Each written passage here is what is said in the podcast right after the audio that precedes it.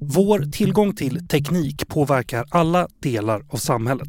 Hur politiker når sina väljare, hur vi betalar våra räkningar och hur vi håller oss informerade om viktiga händelser och håller samman all viktig infrastruktur. Tillgången till teknik avgör också vad en stat har för kapacitet för krig, handel eller insamling av information.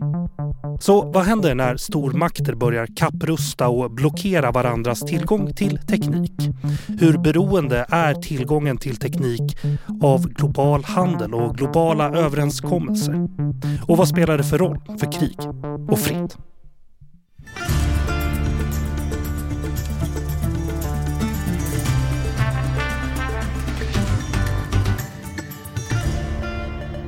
Du lyssnar på Utrikespolitiska institutets podd Utblick och jag heter Jonas Lövenberg. I det här avsnittet ska vi prata om det som kallas kritiska teknologier på svenska. Och för att hjälpa mig och er att förstå vad det här begreppet betyder och vad det har för plats i internationell politik har jag med mig Björn Kapelin, biträdande centrumchef vid Nationellt kunskapscentrum om Kina på Utrikespolitiska institutet. Välkommen tillbaka till Utblick, Björn. Tack så mycket.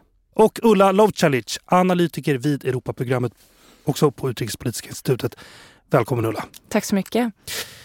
Kritiska teknologier låter ju som en agnesism och det ska väl lite mig som har svenska som arbetsspråk, men det får vi väl acceptera, tänker jag.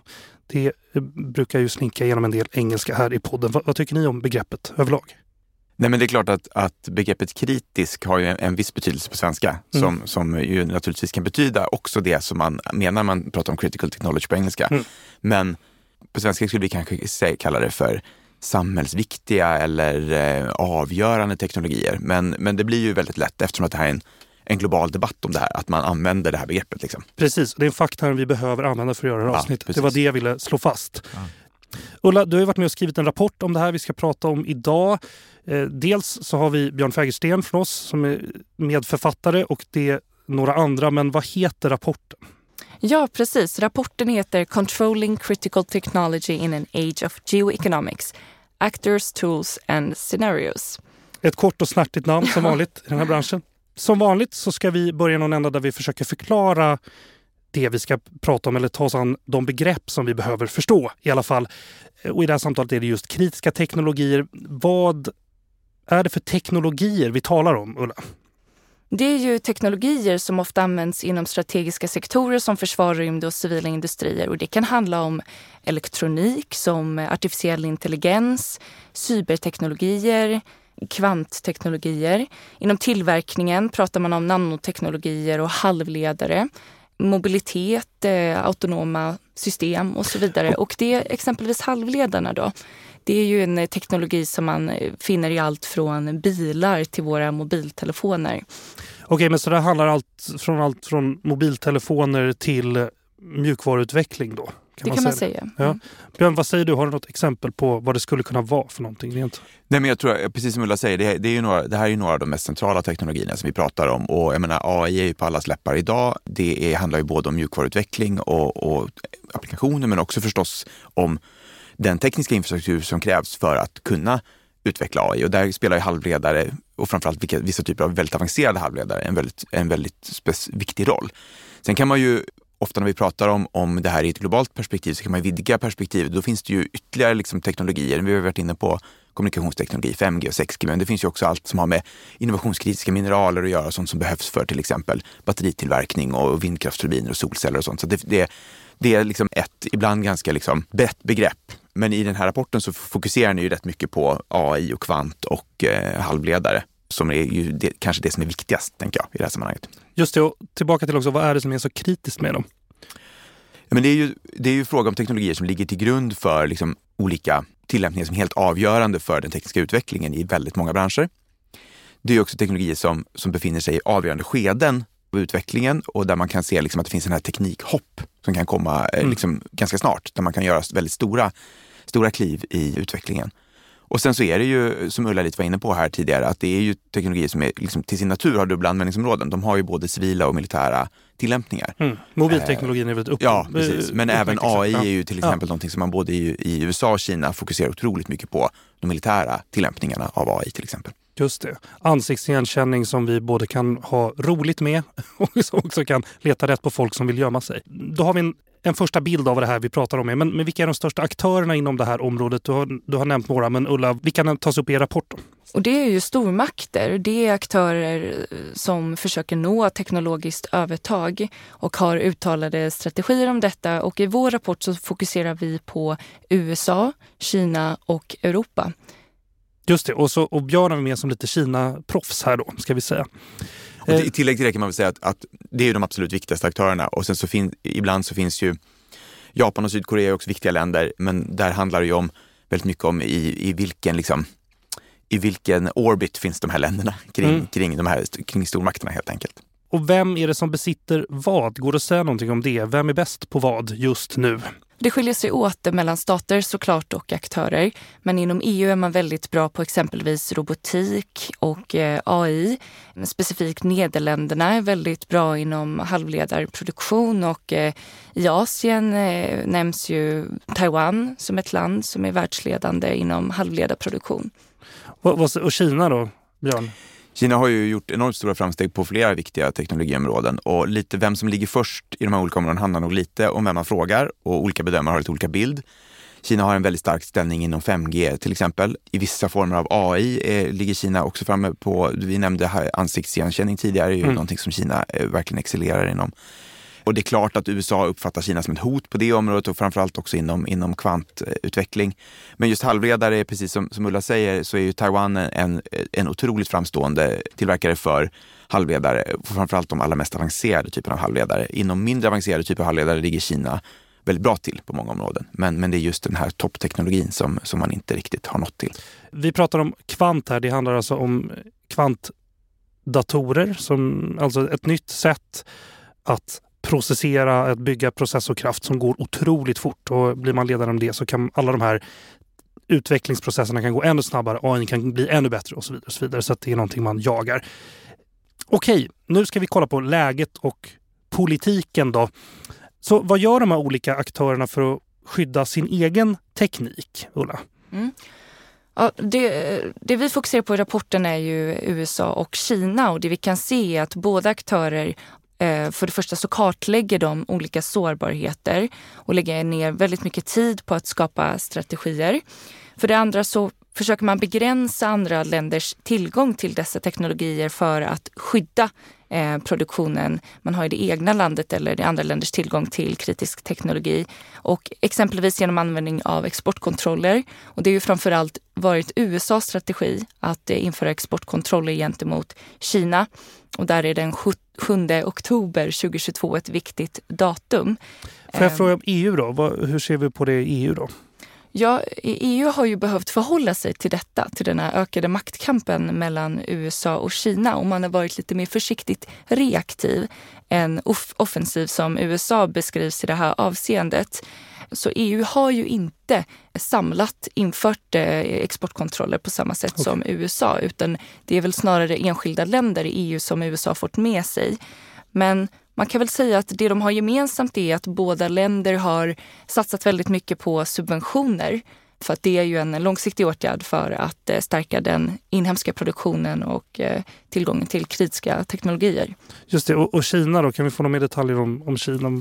Men Kina har ju redan från början en mycket mer sluten ekonomi än vad EU och USA har. Och många delar av den kinesiska ekonomin, många branscher är ju är helt stängda för, för utländska investeringar och ibland är de stängda för även för, för eh, att delägda utländska eh, investeringar.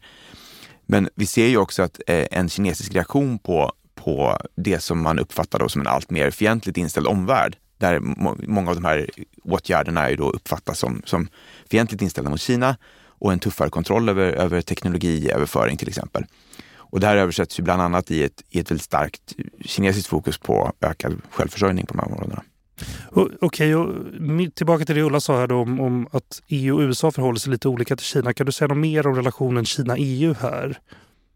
Ja, men det kan jag göra. För att till att börja med så är det ju viktigt att förstå att, att i USA har ju debatten om Kina eh, utvecklats i en riktning där det finns en väldigt hård inställning till Kina och det finns en väldigt bred politisk förankring eh, för den här inställningen. Man ser Kina som, som eh, den stora liksom, utmaningen mot USAs maktställning i världen. EU har ju haft lite svårare att enas om en hållning och det finns en ganska stor spridning bland medlemsstaterna i synen på Kina. Framför allt hur stort hot Kina faktiskt utgör eller hur benägen man är att, att eh, titta på sina beroenden av Kina och hur man kan bryta dem.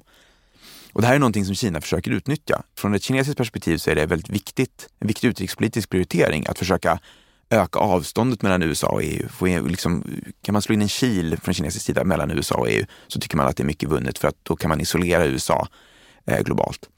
Men med det sagt så finns det ju liksom en stor bredd av olika EU-verktyg också och några av dem lyfter ni fram i den här rapporten eh, som har tagits fram för att möta det kinesiska hotet. Men det är en mer fragmenterad approach och implementeringen ser ganska olika ut mellan medlemsstaterna. tror jag också. När man lyssnar på rapporteringen kring det här ämnet så brukar man prata om beroendeställningen mellan olika parter. Det har ju du varit inne på också Ulla. Men vem är beroende av vem, vem egentligen och vad har det för konsekvenser? Ja, i grund och botten så är ju alla beroende av alla. Och det skiljer sig åt eh, beroende på vilka teknologier vi tittar på.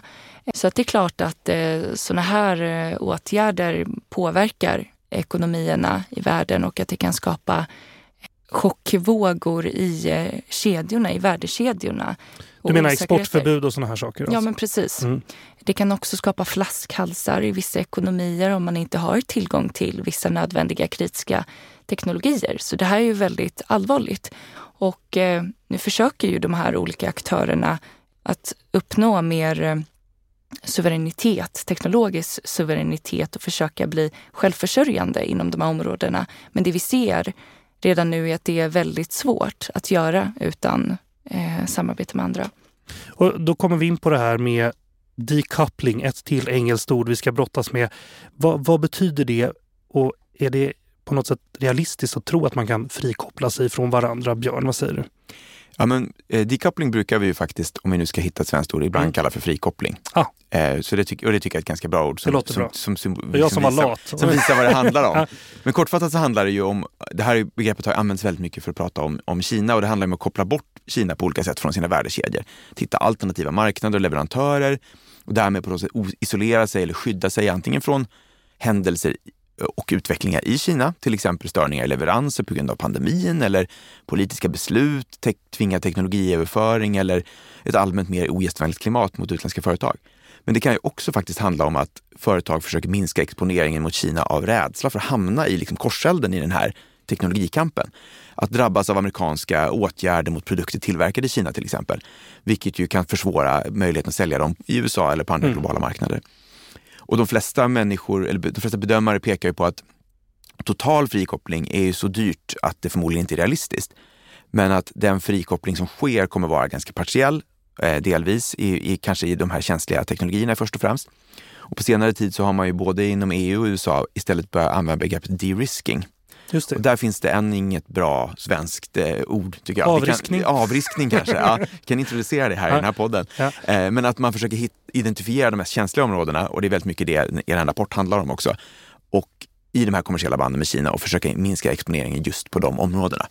Jag måste också fråga, eh, det här handelskriget som Trump drev mot Kina, har det påverkat de här relationerna på något sätt?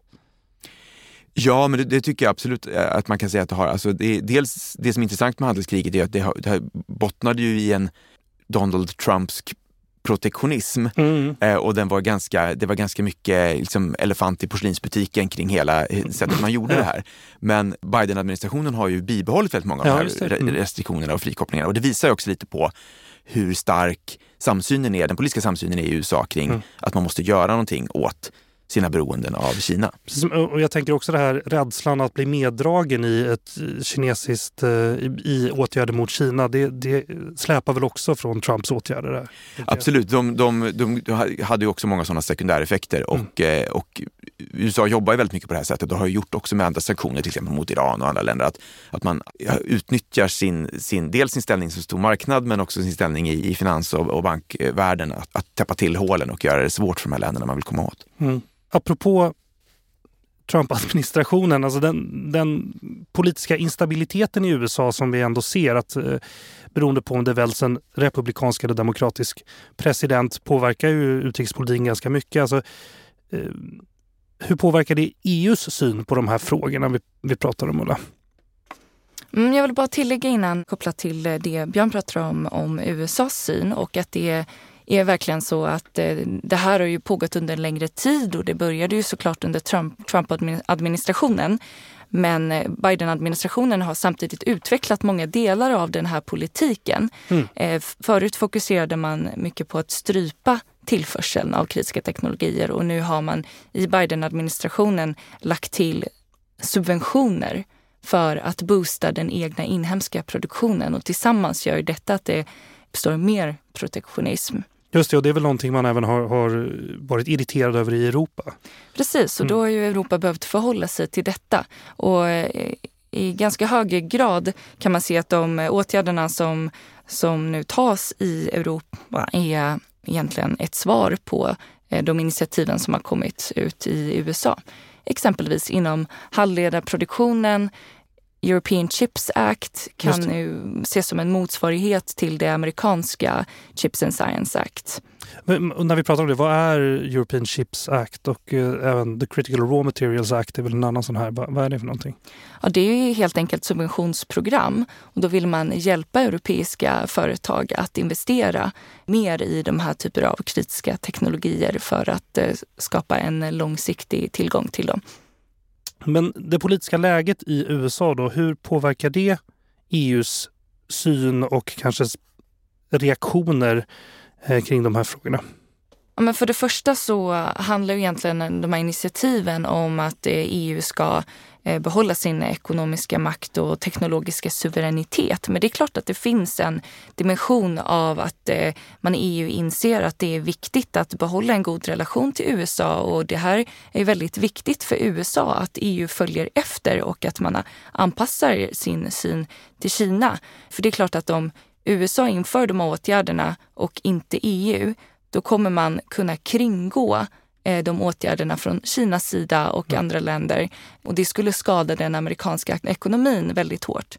Så det man vill göra är att hitta transatlantisk eh, Alltså någon slags gemensam nämnare här. Och samsyn. Så att, liksom. Ja, en samsyn mm. så att åtgärderna blir effektiva på lång sikt. Och sen är det också klart att man mot bakgrund av det stundande presidentvalet i USA vill skapa forum för diskussion och eh, inte utvecklas åt olika håll utan att man hela tiden checkar med varandra vart man är på väg.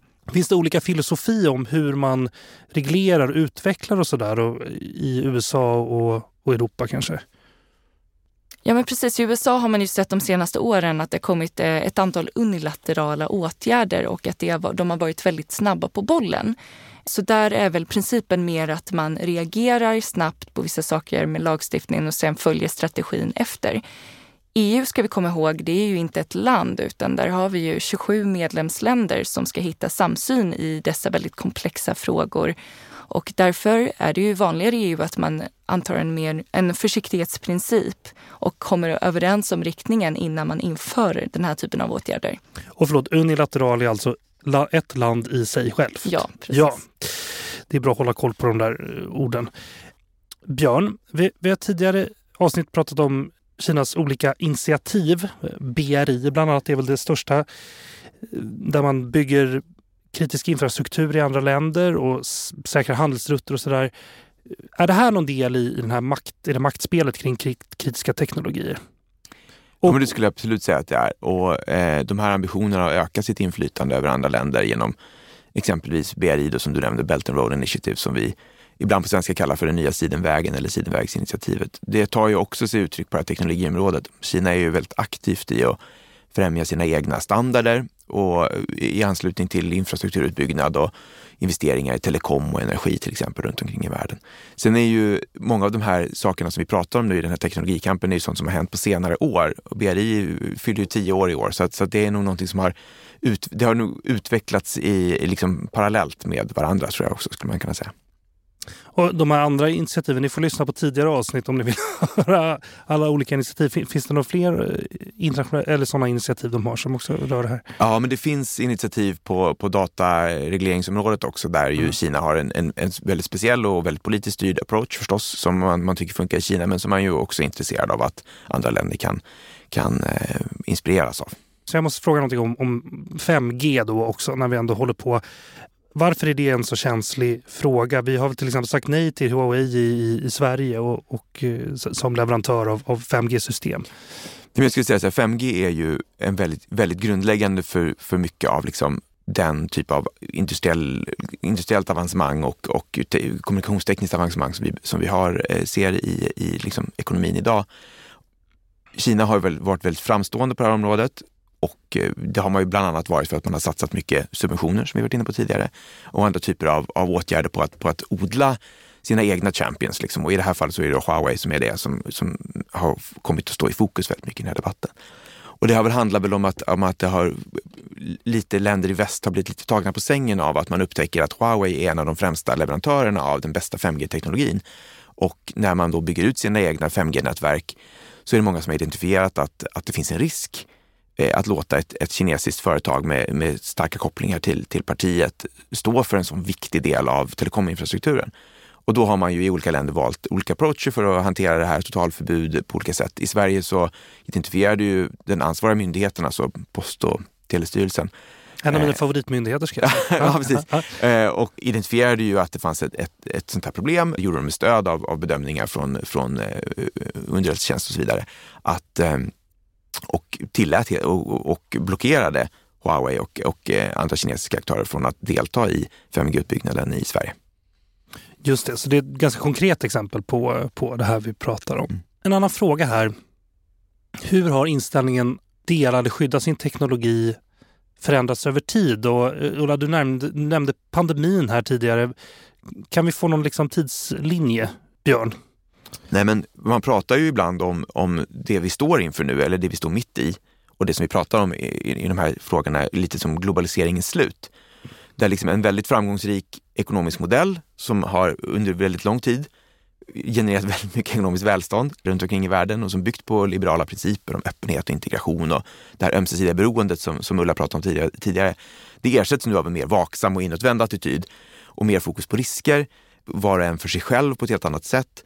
Man vill skydda sin egen teknologi, man vill bygga sin egen förmåga, ibland helt själv och ibland med allierade. Vi får begrepp som nu blir det mycket anglicism här, men då blir det reshoring, det vill ja. säga att man flyttar produktionen hem igen om man ja. har flyttat ut den till Kina och upptäck, eller andra länder upptäcker att det fan, inte var något bra för självförsörjningen. Nearshoring, det handlar om att flytta produktionen till ett land som ligger lite närmare än Kina, så man inte är lika, ut, är lite, lika exponerad mot de här långa eh, ledtiderna och, och nedstängningar i flödena. Och så pratar man om friendshoring som handlar om att flytta produktionen till ett land som är mer vänligt sinnat. Okay. Och det, så de här begreppen tror jag vi kommer att, att höra mer av eh, och kanske på sikt också få svenska versioner av de här orden. Ja, vi hoppas det. vad, vad, säger du Ulla? Du, ni har ju tittat på USA bland annat här. Har inställningen förändrats över tid? Ja, det sägs ju att vi har gått från en tid av hyperglobalisering till en tid av mer fragmenterad globalisering. Med det sagt är ju inte globaliseringen över, utan den är ju mer begränsad till vissa strategiska geografiska områden li mellan likasinnade länder exempelvis och inom vissa produkter. För det här gäller ju inte såklart alla produkter utan just vi pratar om kritiska teknologier. Men man, man kan väl säga att eh, det här bottnar någonstans i en insikt i USA om att det inte kommer ske något regimskifte i Kina. För väldigt länge har ju relationen mellan västländerna och Kina varit ganska asymmetrisk och att man har byggt eh, den relationen på en förväntan om att det kommer eh, komma en ändring i Kina. Och nu på grund av vissa externa chocker, vi pratar om pandemin men också kriget i Ukraina, så har man insett att det finns för stora risker och Kina håller dessutom på att komma ikapp teknologiskt. Och därför har man ändrat sin strategi för att minska de här risk riskerna, eller de-risk som vi pratade om förut. Xi har ju också befäst sin makt, eller hur? Vi, det ser troligen ut som det kommer se väldigt likadant ut i Kina ganska länge, va? Om man frågar någon som har koll på Kina. Eller? Absolut, nej men så är det ju. Dels finns det ju en, en politisk utveckling i Kina. Som du säger, Xi Jinping har stärkt sin, sitt grepp om makten vi ser att, att hans, eh, hans politiska linje som handlar väldigt mycket om, om självförsörjning och kom, lite mer konfrontatorisk inställning till omvärlden, den kommer att vara dominerande länge. Vi, men vi har också, det finns ju många bedömare som menar att Kina har alltid varit på den här kursen och att det är mer att vi i väst har liksom lite lurat oss själva. Och, och, och precis som Ulla var inne på det här med idén om change through trade som man säger på, på engelska. Att, att genom att handla med Kina, ha en öppen kommersiell relation så kan vi eh, liksom effektuera politisk förändring och det har ju visat sig att det inte funkade. Liksom. Man har glatt också tagit emot investeringar från Kina i stora projekt, Absolut. till exempel via Belt and Road och sådär. Ja, så att man har liksom byggt Eller in Kina i sin... investeringar i fordonsindustrin som man kan se i, i Västsverige till exempel. Ja, så. precis. En av våra största företag, ju, eller våra, det är ju kinesiskt nu. Ja, och det här är ju liksom ett, också ett, ett, ett, dilemma för oss i Sverige med, som har en traditionellt sett otroligt liksom, stark förkärlek för den öppna ekonomin och vi har gynnats otroligt mycket av den här liberaliserade världsordningen och med, kring handel och så vidare. Vi vill ju ha kapital till vår ekonomi, men vi vill ju inte att det ska vara förknipp, vi vill ju helst inte ska vara förknippat med risker. Nej, och vi vill inte ge bort kontrollen. Nej, precis. Nej. Nu kommer vi ju, vi har pratat lite om investeringsgranskning tidigare och det kommer vi få ett sådant system för i Sverige också som, som eh, det finns ett förslag och eh, det kommer träda kraft senare i år. När vi ändå pratar om Sverige, hur, vad hamnar Sverige i, i, det här, i, de här, i den här ska vi säga, maktkampen mellan de här olika jättarna. V vad säger du Ulla? Ja, Sverige är ett eh, frihandelsvänligt land och tillhör eh, ett av de länder i EU som eh, inte vill förstöra så att säga, eller relationen till Kina. Eller att man vill vara försiktig med eh, vilka åtgärder man inför. Så vi vill ju ha handel med Kina men såklart också samtidigt skydda våra kritiska teknologier. Men okej, okay, men hur påverkar det, kan det påverka, säg mig, gemene man då på något sätt om det, om det sker stora förändringar här? Kan jag bli av med eh, tillgången till, säg, vissa mobil, typer av mobiltelefoner eller vad vi nu pratar om? Påverkan på gemene man kan exempelvis vara att vissa produkter blir dyrare. Mm. För det vi pratade tidigare om, friendshoring, innebär ju att man begränsar alltså köp av vissa produkter till vissa länder där kanske arbetskraften är dyrare eller där efterfrågan blir högre nu för att det är färre länder som ska leverera de här produkterna. Mm. Och det kan ju då göra att exempelvis en iPhone blir mycket dyrare. Och jag, jag tänker att jag ser bara själv att, att prisen priset på viss typ av teknik har ju gått upp ganska mycket. Det beror väl kanske mer på, på det pågående kriget i Europa och att eh, släppa från pandemin. Men man skulle alltså kunna se liknande effekter då om, om den här protektionismen från Kina till exempel blir för stark. Eller, eller för stark, eh, starkare än vad vi tycker är trevligt då ska vi väl säga kanske. Det tror jag absolut man kan, man kan se och jag menar vi såg ju under kan man säga, slutfasen av, av pandemistörningarna att fanns det ju, uppstod ju halvledarbrist bland annat som inte hade så mycket med, med, med liksom politiska åtgärder för att strypa teknologi utan mer handlade om ren logistik. Att det var svårt att få fram eh, få leveranser för vissa typer av eh, såna här, till exempel halvledare då, i, från eh, Kina och andra delar av Asien. Så att det kan absolut spela in i den här liksom, utvecklingen med priserna. Vi, för er som lyssnar på Utblick, vi har tidigare gjort ett, ett avsnitt om, om TikTok och eh, de eh, band som ByteDance har eller inte har till den här kinesiska staten. Alltså, i vilken utsträckning har privata företag och intressen makt i de här frågorna och i vilken utsträckning har de privata blir frågan när vi kommer till Kina. Men vad säger ni? Om vi börjar i den änden, och för TikTok är ett väldigt intressant, intressant exempel och eh, apropå eh, liksom du pratade om eh, hur kan gemene man påverkas? I USA mm. finns det en debatt om man ska förbjuda TikTok till exempel. Mm.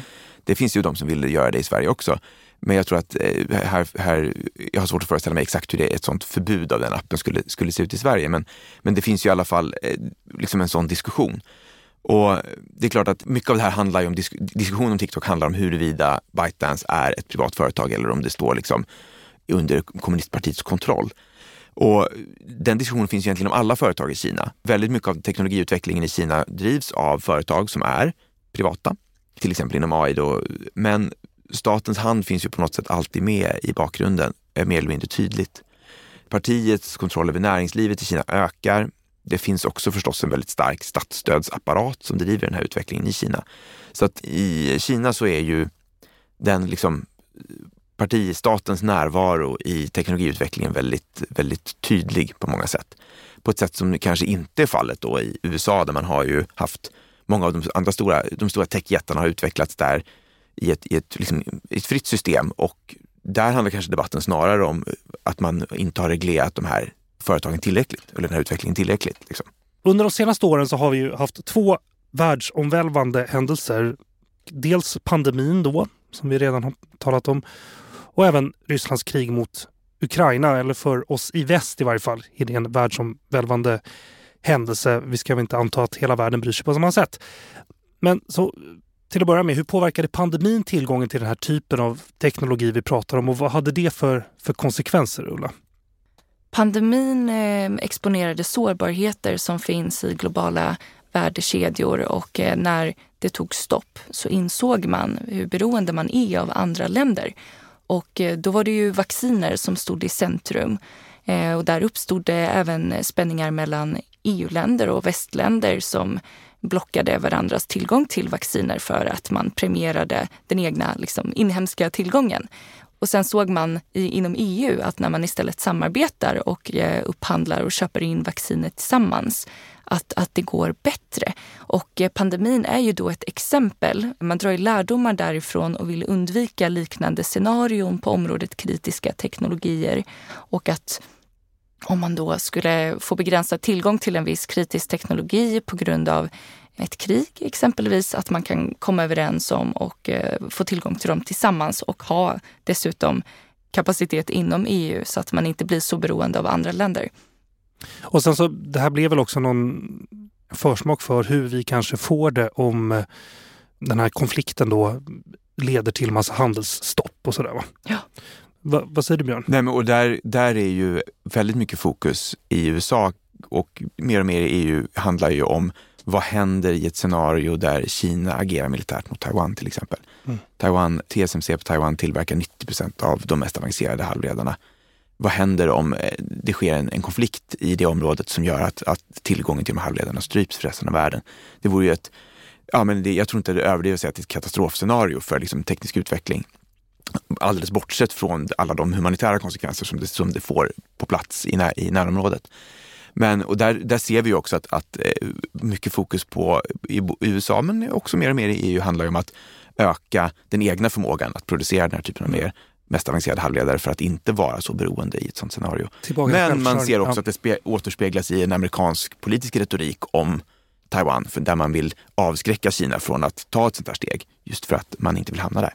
Och apropå krig då, Rysslands krig mot Ukraina, vad har det för, för plats i det här samtalet? Vad spelar kritiska teknologi för roll där? Det finns ju också kritiska teknologier inom energisektorn utan sektorn som sådant eh, betraktas ju som eh, viktigt för den nationella säkerheten och Rysslands krig mot Ukraina eh, avslöjade ju västs energiberoende mm. av Ryssland och att man behövde minska det beroendet nu. Just det, jag tänker också på att man inte exporterar, just vi pratar om halvledare, men sådana här delar som kan, komponenter som behövs både i civil och militär teknologi påverkas ju också av det här. Kan du säga något om det, Björn? För oss som håller på med Kina så, så har ju kriget i, i Ukraina också lett till att man, man, man fokuserar väldigt mycket på vilken roll Kina spelar. Den stora liksom, 10 000 kronorsfrågan här, kommer Kina hjälpa Ryssland med vapen? Men det finns ju också andra sätt att, att stödja Ryssland med olika typer av teknologier till exempel. Och det har ju förekommit rapporter om att kinesiska drönare har använts av Ryssland i Ukraina till exempel och sånt. Men det finns ju också, eh, har ju faktiskt också funnits rapportering som inte har blivit så exponerad om att Kina sålt eh, halvdana halvledare till Ryssland som man inte, inte vill använda själv för att man eh, liksom vill, vill behålla de, de man behöver själv i landet. Så det finns, ju, ja. det finns ju liksom båda, båda delarna här, men, men det är klart att teknologifrågan är väldigt viktig här. Sen skulle jag säga att kriget som helhet påverkar ju också, eller förstärker bilden av en global maktkamp. Att den här idén om block, där det finns ett Kina-Ryssland-block och ett USA-lett väst som står mot varandra. Och det bara förstärker ju hela den här liksom ansatsen om att, att värna sina egna teknologier och, och skydda dem liksom, mot det andra blocket. Jag måste bara fråga om den här att man, rapporten om att man har då skickat halvdana halvledare. halvledare är roligt. Om det nu det här är sant, är det ett sätt då att upprätthålla handelsrelationer med Ryssland utan att egentligen stödja Ryssland så värst mycket? Är det så man ska se på det? Eller hur jag, jag tror att det? det? där är ju lite anekdotiskt. Hela den. Ja. Jag tycker mer att, att den framstår som en intressant liksom, kontrast i hela den här, i ja, den här okay. diskussionen. Men det är ju det visar, jag skulle snarare säga att det visar, säger någonting om maktförhållandet mellan Kina och Ryssland. Mm. Att Kina känner att man kan kosta på sig att sälja halvdana grejer till Ryssland och vet att Ryssland inte kan säga, sätta så mycket emot. Liksom. Ja, precis. Och det, de vill upprätthålla sina relationer med Europa ja. och så vidare. Okej, okay. jag förstår. Spännande. Det där kommer vi säkert få återkomma till. Men eh, vi ska titta lite framåt tänkte jag. I den här rapporten ni har skrivit Ulla så finns det några olika scenarier för EU och USA eh, för hur det kan gå eh, i framtiden. Kan vi få höra kort om de, de olika? Ja, baserat på den här utvecklingen som vi har sett nu och de här trenderna så kan man väl utmejsla fyra eh, framtidsscenarier. Ja, varsågod. Det första scenariet kan kallas EU Tech Autonomy eller en eh, teknologisk... Eh, vi kan ta det på engelska. Ja, vi gör det. det går bra. Ja. Och i det här scenariet så är Europa väldigt integrerat genom övernationella initiativ från kommissionen. Så man kan väl säga att kommissionens dröm går i uppfyllelse och att det är väldigt mycket samarbete inom EU och att man skyddar sina kritiska teknologier gemensamt och man har samsyn kring samarbete med andra länder i de här frågorna. Alltså man handlar med varann inom EU och så vidare? Man skapar, man ser till att man har allt man behöver inom EU. Man satsar mycket på att utveckla de här kritiska teknologierna inom EU okay. så att man minskar beroendet av alla andra länder.